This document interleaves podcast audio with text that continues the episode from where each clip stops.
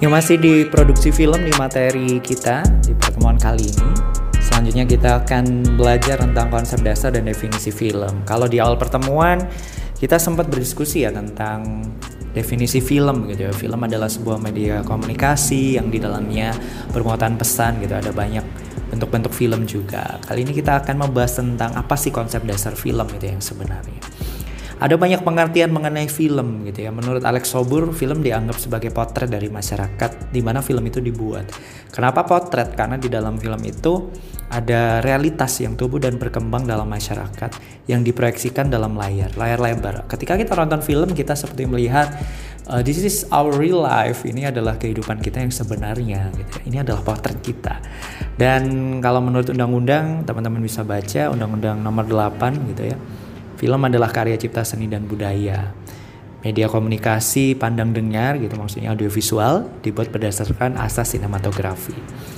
Ada yang menarik juga menurut Dan Turner, film as social practice, uh, sorry menurut uh, Routledge ya, yang Routledge di London tahun 99 dia menyebutkan film as social practice sesuatu yang ada di masyarakat kita kalau Graham Turner bilang film tell a story that comes from the work of the human mind as well as a language. Jadi film adalah sesuatu yang menjadi pemikiran manusia sama seperti bahasa. Saya senang sekali menyebut film adalah sebuah bahasa juga. Karena di dalamnya adalah bermuatan storytelling, ada sebuah cerita yang dikisahkan. Ada sebuah cerita yang dibahasakan sehingga penonton menikmati cerita itu. Film juga disebut oleh almarhum Yusabiran, Misbah Yusabiran, salah satu sinias film Indonesia uh, yang mendokumentasikan banyak film. Uh, dia menyebut film adalah sebuah pernyataan budaya, melakukan komunikasi pesan dari pembuat film pada penonton ke seluruh daerah atau nasional bahkan dunia. Dalam sebuah film kita bisa melihat sebuah budaya tertentu gitu ya. Ketika kita nonton, oh culture-nya seperti itu. Termasuk juga budaya pop. Pop juga menjadi sebuah budaya yang berkembang dalam masyarakat. Kalau Dennis McQuell, ya film adalah sebuah peran sarana baru gitu ya, digunakan untuk selain untuk hiburan juga menyajikan peristiwa, musik dan banyak hal lagi yang menghibur kita. So, kesimpulannya adalah film itu bisa bermuatan hiburan menghibur gitu. Kalau beberapa waktu lalu ada yang nanya, bagaimana Pak kalau film gak ada pesannya cuma hiburan? Ya hiburan juga termasuk message gitu, ada sesuatu di dalamnya. Dan ada informasi yang bisa tersampaikan dalam sebuah film. Ada edukasi, sisi edukasi yang disampaikan. Dan juga film juga bisa digunakan sebagai media propaganda.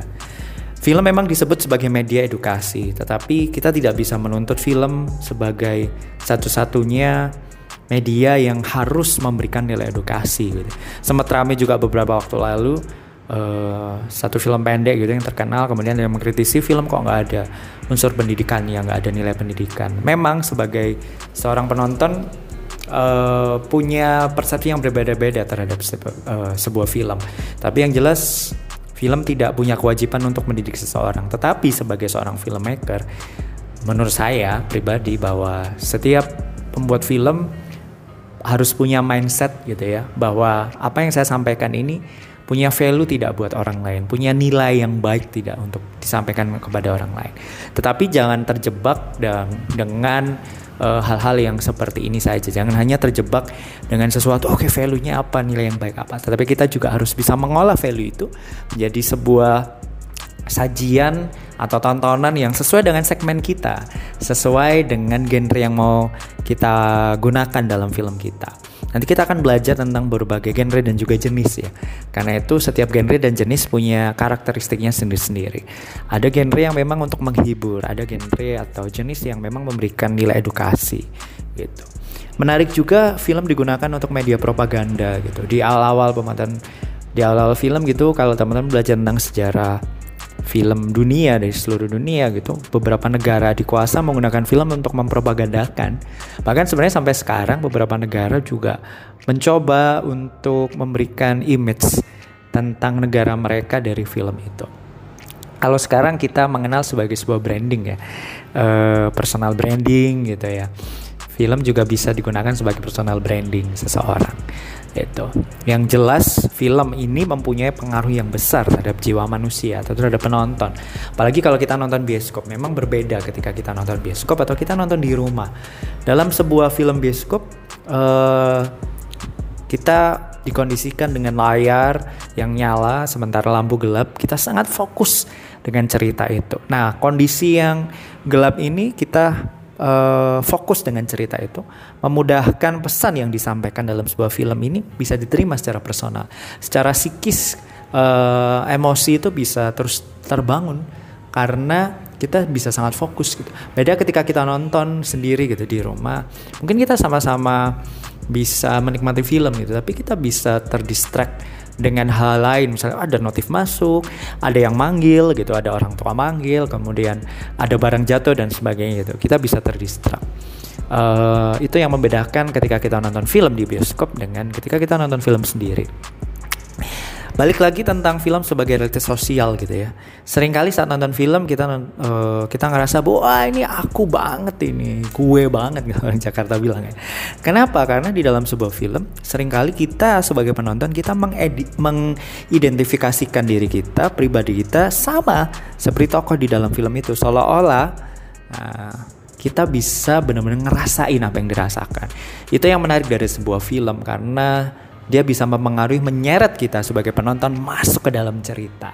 Nanti kita akan belajar teknik-tekniknya. Bagaimana sih ada teknik tertentu yang membuat film itu bisa membuat penontonnya itu masuk terseret dalam cerita. Kalau kita nonton film itu kita uh, merasa masuk dalam cerita, kita merasa jadi yang tokohnya itu aku banget gitu. Itu berarti filmnya berhasil mempengaruhi kita secara emosi, secara psikis gitu ya. Yang jelas uh, film itu sesuatu yang bisa dipahami oleh masyarakat bergantung jenis filmnya nanti kita akan bahas. Dan yang menarik nih, yang menarik juga film nggak cuma sebagai media edukasi, hiburan, informasi, tetapi film itu bisa menciptakan sebuah social movement. Apa itu social movement?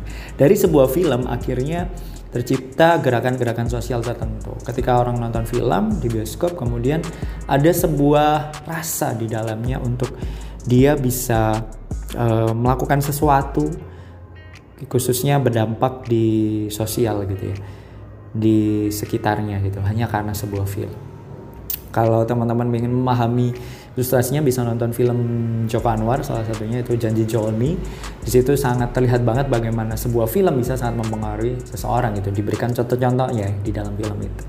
Dan ini salah satunya adalah Skar Pelangi. Kenapa? Karena pesan sosial yang kuat tentang waktu itu mengetengahkan sebuah cerita masyarakat yang ada di pedalaman gitu pelosok jauh dari kota metropolis tetapi anak-anak ini berusaha untuk sekolah gitu berjuang di sekolahnya. Dan kita sampai terharu gitu nontonnya. Setelah orang banyak nonton ini dan setelah film ini menjadi sangat uh, banyak penontonnya akhirnya banyak orang berbondong-bondong baik ke tempat uh, lokasi film itu di Belitung maupun orang akhirnya jadi aware gitu tentang pendidikan. Iya ya ternyata nggak semua anak Indonesia bisa menikmati pendidikan gitu. Kayaknya ada beberapa gerakan-gerakan pendidikan. Ya berikutnya menurut Christopher Nolan uh, salah satu saudara favorit saya dia bilang bahwa films are subjective. What you like what you don't like. Film itu sangat subjektif sebenarnya. Makanya ada beberapa uh, beberapa orang yang ketika dia memprotes film tertentu kenapa filmnya tidak objektif? Ya sebenarnya kalau kita mau mengkaji ulang pembuatan film itu memang sangat subjektif bergantung dari frame of reference dan juga frame of experience dari filmmakernya. Film itu sangat subjektif. Uh, sesuatu yang menjadi pemikiran filmmaker itu bisa tertuang dalam filmnya. Kita sangat susah sekali untuk menjadi objektif saat kita membuat film karena mau tidak mau itu adalah hasil pemikiran kita.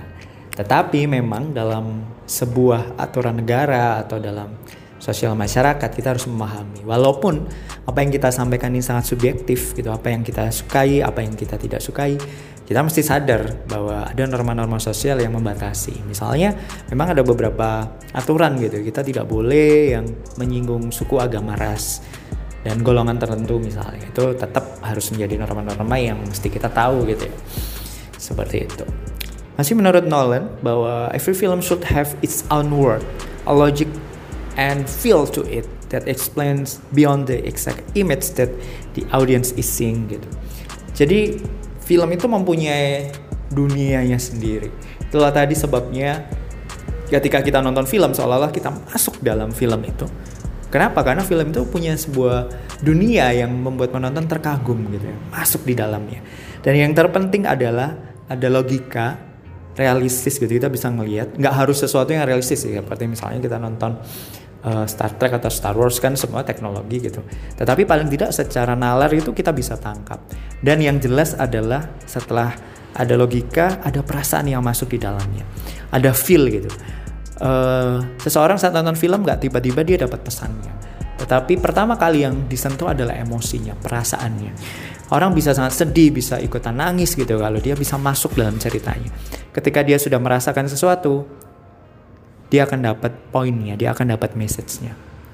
They will get the message ketika kita bisa mengobrak-ngabrik their emotion. So it's really really important ketika kita bisa mengacak-acak perasaan seseorang, kita bisa memasukkan pesan apa pun di dalamnya. Itulah sebabnya nanti kelas ini saya ingin teman-teman juga banyak berlatih tentang bagaimana kita mengolah perasaan itu. Tentu saja dengan tetap logis gitu ya. Nia Dinata pernah bilang juga bahwa sebuah uh, film gitu harus informatif dan juga mendidik. Kalau tambah dari saya memang semua bergantung dari genre dan juga pilihan film yang mau dia sampaikan tentang apa. Gitu. Walaupun dia tidak punya beban untuk selalu uh, informatif atau selalu mendidik gitu karena kalau semua film harus mendidik ya akan menurut saya sih akan sangat jadi boring jadi kayak bahan kuliah semua ya kalau film harus uh, dituntut mendidik tetapi paling tidak sebuah film tidak memberikan unsur negatif atau menggerakkan seseorang untuk melakukan sesuatu yang negatif menurut pendapat saya pribadi jadi ada empat kekuatan film dari kesimpulan ini bahwa Film itu diangkat dari sebuah realitas sosial. Film itu menciptakan satu realitas sosial bentukan baru. Film sebagai kritik sosial dan film sebagai identitas budaya. Oke, saya mau sedikit uh, bold. Kalau tadi kita sudah bahas tentang film realitas sosial, yang kedua ini adalah film menciptakan satu realitas bentukan baru. Maksudnya seperti apa? Uh, dalam sebuah film sering kali kita melihat sebuah realitas baru gitu ya, sebuah realitas yang yang di ketengahkan dalam film itu dan akhirnya memicu atau menginspirasi penonton atau menginspirasi orang-orang untuk mengadaptasi apa yang ada di film itu tidak bisa dipungkiri ya banyak film yang mengetengahkan sebuah realitas baru gitu walau meskipun sedikit ataupun tidak semua tapi itu ada dan sering terjadi gitu misalnya uh, dalam film Star Trek gitu zaman dahulu belum ada menyimpan sebuah data dalam sebuah benda gitu. Tapi waktu itu ada sebuah benda yang akhirnya orang terinspirasi untuk membuatnya namanya disket gitu, menyimpan sebuah data dalam sebuah kotak.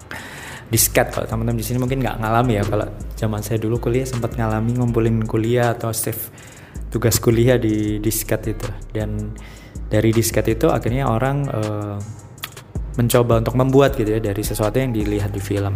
Akhirnya mencoba dibuat gitu. Atau realitas baru yang lainnya nggak harus selalu barang. Sebuah sikap gitu sebuah pola misalnya.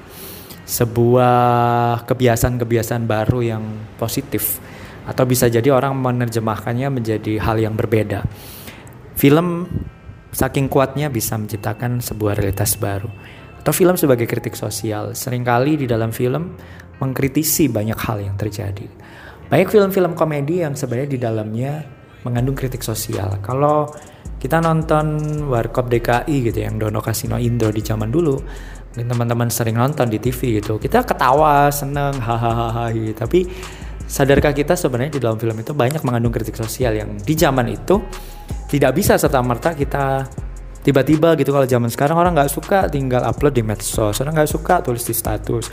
Orang benci sama sesuatu sama keadaan tinggal upload. Di zaman itu nggak bisa. Seorang sinias harus punya akal secerdas mungkin gimana cara dia mengkritik tetapi orang yang dikritik nggak tersinggung dan tidak menciptakan sebuah masalah buat dirinya maupun bagi orang banyak. Karena itu di era lama memang apa film itu sangat cerdas dibuat karena baik pemikiran-pemikiran di baliknya yang membuat pemikiran membuat film itu menjadi sangat deep, menjadi sangat mendalam. Ya, itu tadi kita sudah membahas tentang konsep dasar film. Ada beberapa hal yang menarik yang bisa teman-teman dapatkan. Uh, I really open sangat terbuka dengan berbagai diskusi yang mau teman-teman sampaikan. Silahkan. Saya mau hadirkan satu lagu dulu berikut buat selingan teman-teman semua.